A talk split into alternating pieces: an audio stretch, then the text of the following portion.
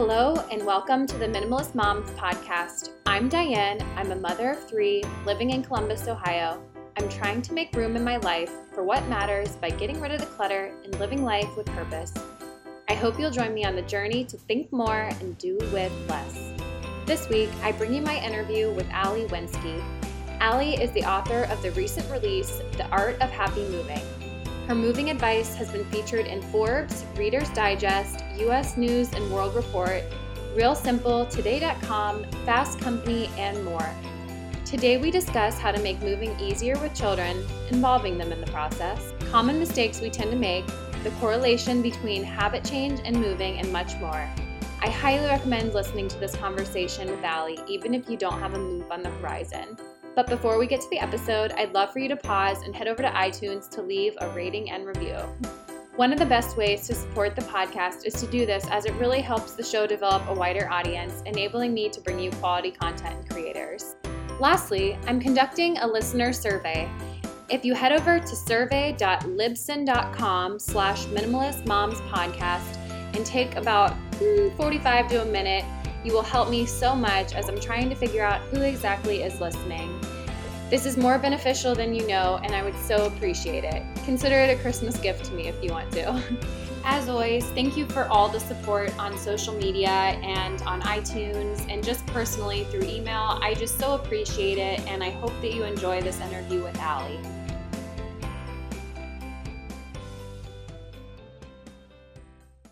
Hi, Ali. Thanks for joining me on the Minimalist Moms podcast this morning. Hi, Diane. Thanks so much for having me. I'm really excited to chat with you. I know you have a lot going on with a new baby and a new house, and you just moved, so I'm I'm excited to talk. Thanks. It's been a lot to juggle, but it's all good things. It's just hard to balance everything going on right now. But, anyways, I'm excited for listeners to hear more about minimalist moving. But before we get to our conversation, can you just tell listeners a little bit more about who you are and what it is that you do? Sure, of course. Um, so I'm the author of The Art of Happy Moving How to Declutter, Pack, and Start Over While Maintaining Your Sanity and Finding Happiness. And uh, I'm also the mom of three. I have three kids that are uh, 13, 12, and 10. And I'm also a blogger. I started my blog, also The Art of Happy Moving. And it's, you know, I talk about moving and how to deal with the emotional side as well as the practical parts of the logistics. And I have a like a one-stop shop for any moving related questions or resources on my resources page with free moving checklist and ways to find out about schools or truck rentals, like everything just in one spot. And there are no sponsors. It's just things that I thought would be helpful for people who are going through a move. And how would you say that you became a moving expert? Well, my husband Dan and I, we moved 10 times in 11 years. So we moved from Massachusetts to Maryland to Ohio um, to California, Illinois, Tennessee, and back to Illinois, and a few local moves within there as well. And so, you know, I moved a lot, but that's it's actually pretty standard. The average American moves 11.7 times in her lifetime, which if you start to think about it and you start counting your own moves, you realize like we all move a lot. Mm. Um, but there was one particular move that was really hard, and that's when we moved from Chicago to Knoxville, Tennessee. And I had three kids at the time. They were uh, three and under. So I had a newborn, and we moved to a place where we didn't know anyone, we didn't have family, we didn't have friends. And it was the first time that it was really hard to get settled into a new community. It was hard to make friends. And it was new for me because we had moved so often and I'm willing to jump in there and and say hi to anybody or try to make new friends, but this it was just different. So having had that experience, actually I started a company called Friend Matchup that was like match.com but for friends only. Oh. And yeah, and this was back in 2011, so it was before there were you know, a lot of the like friend matching apps that they have now. Mm-hmm. And I got such a big response from people all over the world that were saying, I I need this. I'm I'm just moved to Paris or Seattle and I am really lonely and I'm I haven't been able to meet people. Mm-hmm. So unfortunately, because of budget constraints, I had to shut it down. But I I realized that this was a need that was out there. And i could write that was just my time you know it was free. I could try to help other people through writing. So i started my blog um, the art of happy moving and i had my book the art of happy moving. Um, but throughout that process of you know the book and the blog i researched a lot going to the library and just researching about moving and you know the positive psychology research and friends and connections. Um, and then i've spoken to many many um, families and individuals who have made moves and um, so, yeah, I would say, you know, in terms of becoming a moving expert, it was my personal experience, uh, research, and um, and the experiences of others. Ah, I wish we would have had you a couple months ago when I began the moving process. It all just happened so quickly, and I'm still feeling the whiplash, I guess, so to speak of being somewhat disorganized throughout the whole process. Anyways, that said, I know it's not going to be that way for everyone. So, jumping into the questions here, what advice would you give to moving with children? Yes. Uh, so there are a few different things. I think one, one important thing to recognize for adults is that we know what happens when you move. We understand that you pack up your things, you put it in a truck, you move, and they show up in your new place. But kids don't necessarily understand that they have if they've never gone through this they don't understand what it means. And so there was you know one woman i was talking to jessica who had moved just down the street like 10 minutes away from her previous home and thought it was not really a big deal because it was it was a short distance move. And they told the kids about it. And a few days later she was in her son's room. His name is max. He's six years old and he's crying. And she was like what's what's wrong? Are you okay max? And he says well are we going to put Louis in the kennel or are we going to leave him here? Like, what are we doing with with with Louis? And so Jessica was just gave him a hug. Was like, you know, he's our dog. Of course he's coming with us. And of course, you know, give him a big hug. And um, and so I think with parents a lot of times we just don't realize what the kids know or don't know. Mm-hmm. and to help with the emotional side of it it's really important to you know have the conversation and to talk about what the similarities are and the differences are when you move so that questions like this would come up in that conversation. So if you currently if your kids take the bus to school right now but you're going to start doing the drop off line let them know. Or uh, there was a family that moved from Arizona to Chicago and the cost of living was much higher, so their home was smaller. So prepare your kids for that of what what might be different. And so that's one side of, of the emotional part of it. Um, I think childcare is a great tip. Uh, not everyone might be able to do that. When we lived in Chicago, we we didn't have any childcare. We didn't have family around or people to help. But if you can find someone the day of, you know, sometimes when we would move on moving day, we might have family in town that might be able to help. Another thing in terms of simplifying the process is to get your kids involved. And I know, you know, you have young kids, and I had young kids when we were going through the moves.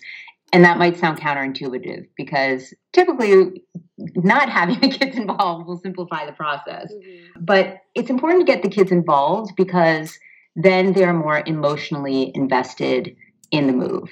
One of the things we did when the kids were little I would make a box city. So I would start packing, you know, I would start making boxes and I would have the kids help me out with it. So even though Victoria was three years old at the time, I would just teach her, okay, to make a box, you make an H. And so we would put the tape on together and we would make a lot of boxes and they would have boxes in the living room that they could play with where we would, you know, make buildings or coloring with them or putting stickers on them.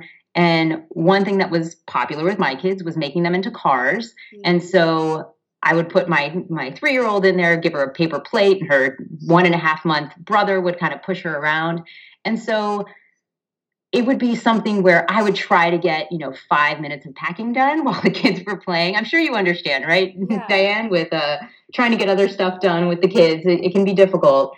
Uh, but they would, they felt involved in it and they were excited about it. And it wasn't all like this sadness of having to move. Like this was a fun experience. And there are other things you can do to get your kids involved as well. You can create some parallel packing stations. So again, this is, you know, if you're with young kids in your home, I would say pack up my kitchen. And at the same time, I would give the kids their like pretend play sets of their of their plates and their cups. And so I would show them how to pack and then they could pack up their things. And then I would say, okay, let's do it again and have them unpack their things and kind of repack and unpack while I'm trying to get a couple boxes done. Mm-hmm. And so again, it's just kind of building the the family bonding and and uh, having them be part of it. How old were your children for your first move? The first move, they were uh, three years old, okay. 18 months old, and, or I guess by the time we moved, 21 months old and three months old. Okay, so really um, so, so really young. Okay. And they became pros. I mean, my two year, my daughter, my youngest, when she was two years old, she moved into her fourth house. and so she was just a few months after her two two year birthday and she would just walk around being like never moving again never moving again i think she might have gotten that for me my children were surprisingly really excited about our move, and I don't think Martin was completely aware of what it entailed because, I mean, he's only oh. two. But Charlotte was so excited when I told her the news, and I think it's because we were moving from a 900 square foot house to a 1600 square foot house that included a backyard. So she was just really excited about all the space. But I want to kind of hone in on mistakes that we make. One of the biggest mistakes that we made was to underestimate the amount of time that we would need to box up all of our things. As I said, we lived in a 900 square foot, half of a duplex, and so I didn't think that we had accumulated as much stuff as I guess we had. And we had people visiting us about a week prior to our move to drop off food for the new baby. And they were flabbergasted that we hadn't started boxing our things yet and we're like, oh no, we're good. We don't have that much stuff, but it won't take us very long to move. And that was probably our biggest mistake. So, talking mistakes, what would you say as a moving expert is one of the biggest mistakes that you see? So, I would say that is the biggest mistake uh, that is waiting until the last minute to declutter and pack. There was a survey that was done recently um, by Wakefield Research where they found that 26% of people who were moving in the upcoming year were waiting until the last minute to pack. And that will make it a stressful move. So I talk about happy moving, and that is one of my big things to start planning early because it, it will reduce a lot of the stress if you have a moving checklist to help you through the process and to realize it will take at least 50% longer than you expect it to take mm. to do everything, at least. Mm-hmm. And things always come up where mm-hmm something will happen at the last minute where a child is sick or you have to work uh, longer hours, whatever it is that will take away some of that time. So definitely starting early. Um, so that's one of the biggest mistakes I see is that. Uh, a second one is not taking advantage of the fresh start that moving offers. And I don't think many people realize this, but there's with habit formation, it's really important to um, if you have a new place then it allows you to create new habits easily. So there was a study done where they found that 36% of successful habit changes were associated with a move to a new place. And so that's a huge number. Like over a third of people who successfully changed their habits was because they moved. And most people don't realize this, and yet it is an unbelievable opportunity. So if there's something that you want to change, whether it's to you know be a minimalist or to be healthy eat healthier or to spend more time you know with your hobbies or whatever it may be moving is the time to make it happen i talk a lot about it in my book of why this is but it's just important to take advantage of this fresh start and what i have found with speaking to a lot of moms that are moving is that and especially with long distance moves where they say, well, I have my, you know, my daughter signed up for soccer. My son has uh, joined theater. He's doing the auditions and I've gotten their school and we have this in the neighborhood. But I said, well, what about you? And they're like, I'm going to worry about myself after I get there. And where people put themselves on the back burner and they're not going to worry about it. And yet there's this opportunity to have this fresh start to be able to you know take classes that you want to do or start a new business or whatever it might be that you've always wished you wanted to do. Even if you're just moving down the street this is the perfect opportunity to make that happen. So that's one thing that i really want to emphasize that i talk about in my book is to take advantage of, of that opportunity that's really great advice. I've actually had a relative say they quit smoking back during their move in the 80s. I guess they had a habit of going onto their back porch every night. And after the move, that space was no longer available to them, so it just happened to fizzle out.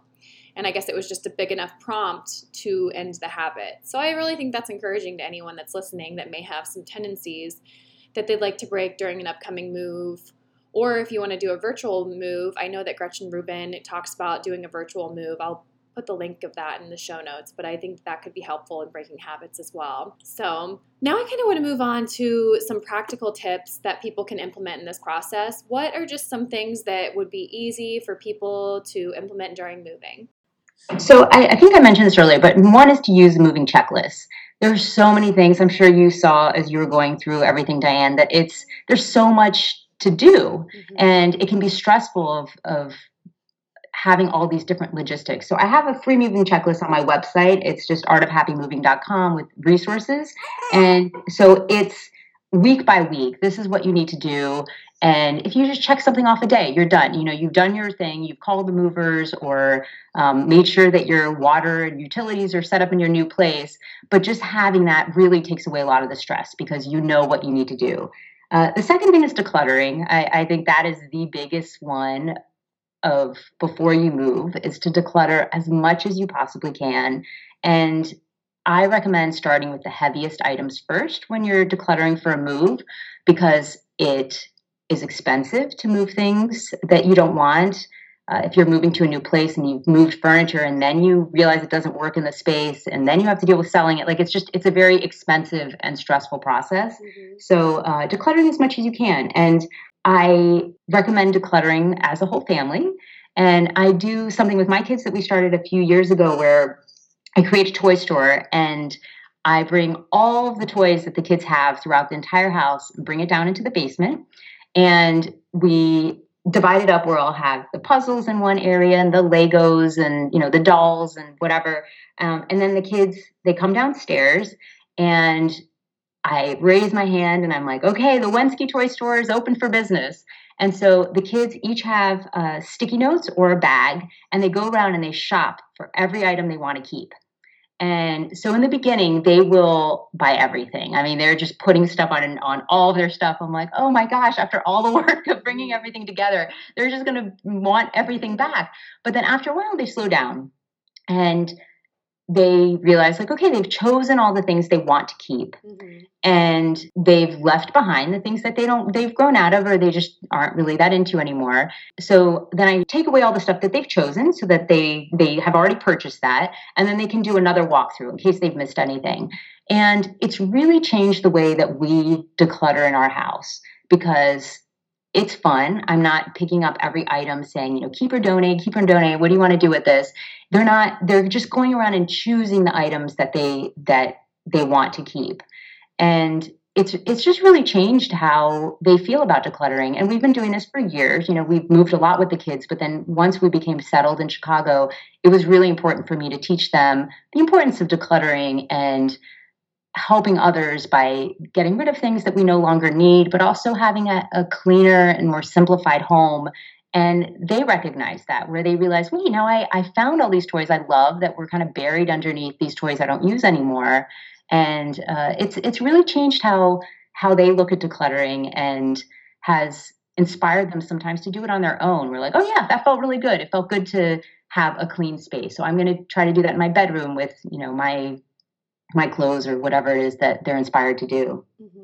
And see, I love that you can do that even if you're not moving. Just to get your kids involved in the decluttering process is always just so helpful in creating that foundation of minimalism or simple living. And I think that's something that we all could really benefit from.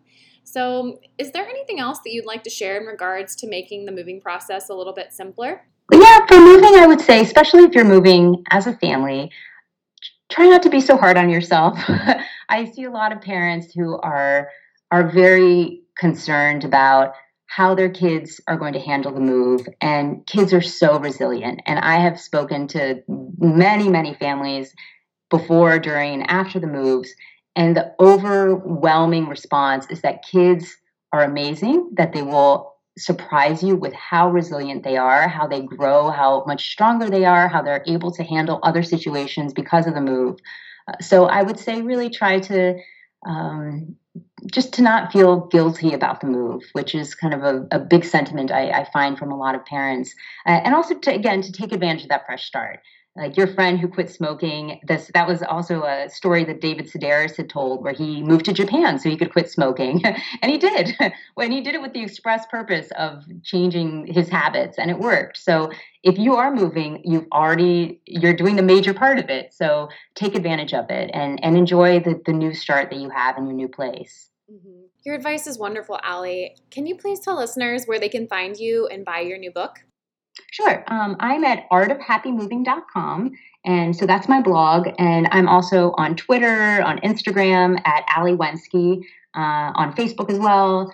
And uh, you can also find my book, The Art of Happy Moving, wherever books are sold Amazon, Barnes & Noble, your local independent bookstore. And I love connecting with readers and listeners. So I would love to chat with you. And if you have any questions about your move, please feel free to reach out.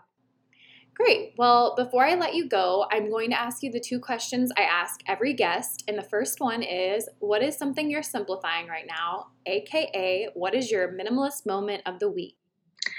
Uh, my minimalist moment of the week is uh, I am participating in a food drive tomorrow that I've helped organize for a, a couple different schools. And the reason I, I think of it as like a minimalist moment is I think volunteering is really important for keeping a minimalist mindset. Mm-hmm. And I have the kids get involved with a lot of different things, whether one is Bernie's Book Bank we do in here in Chicago, which is an organization that provides books to at-risk kids throughout Chicagoland. And so the kids get to go to the place, they get involved with packaging all the items, and it really helps on the other end when we're decluttering at home because they know that the things that they are getting rid of, they know who's on the other side of it. And so um, this is true with you know the food drive. We're doing it through Move for Hunger. Um, we we go to food pantries or feed my starving children. So having the kids just realize how much we have mm. and how much we can share with other people, I, I just think is important for trying to keep a minimalist lifestyle. I absolutely agree. I think that volunteer opportunities such as that really expose how others live, and that can be so helpful in setting perspective in our kids. So I appreciate you sharing that. Um, the last question that I ask everyone is what is something you can't stop talking about, or a resource, something that you're excited about?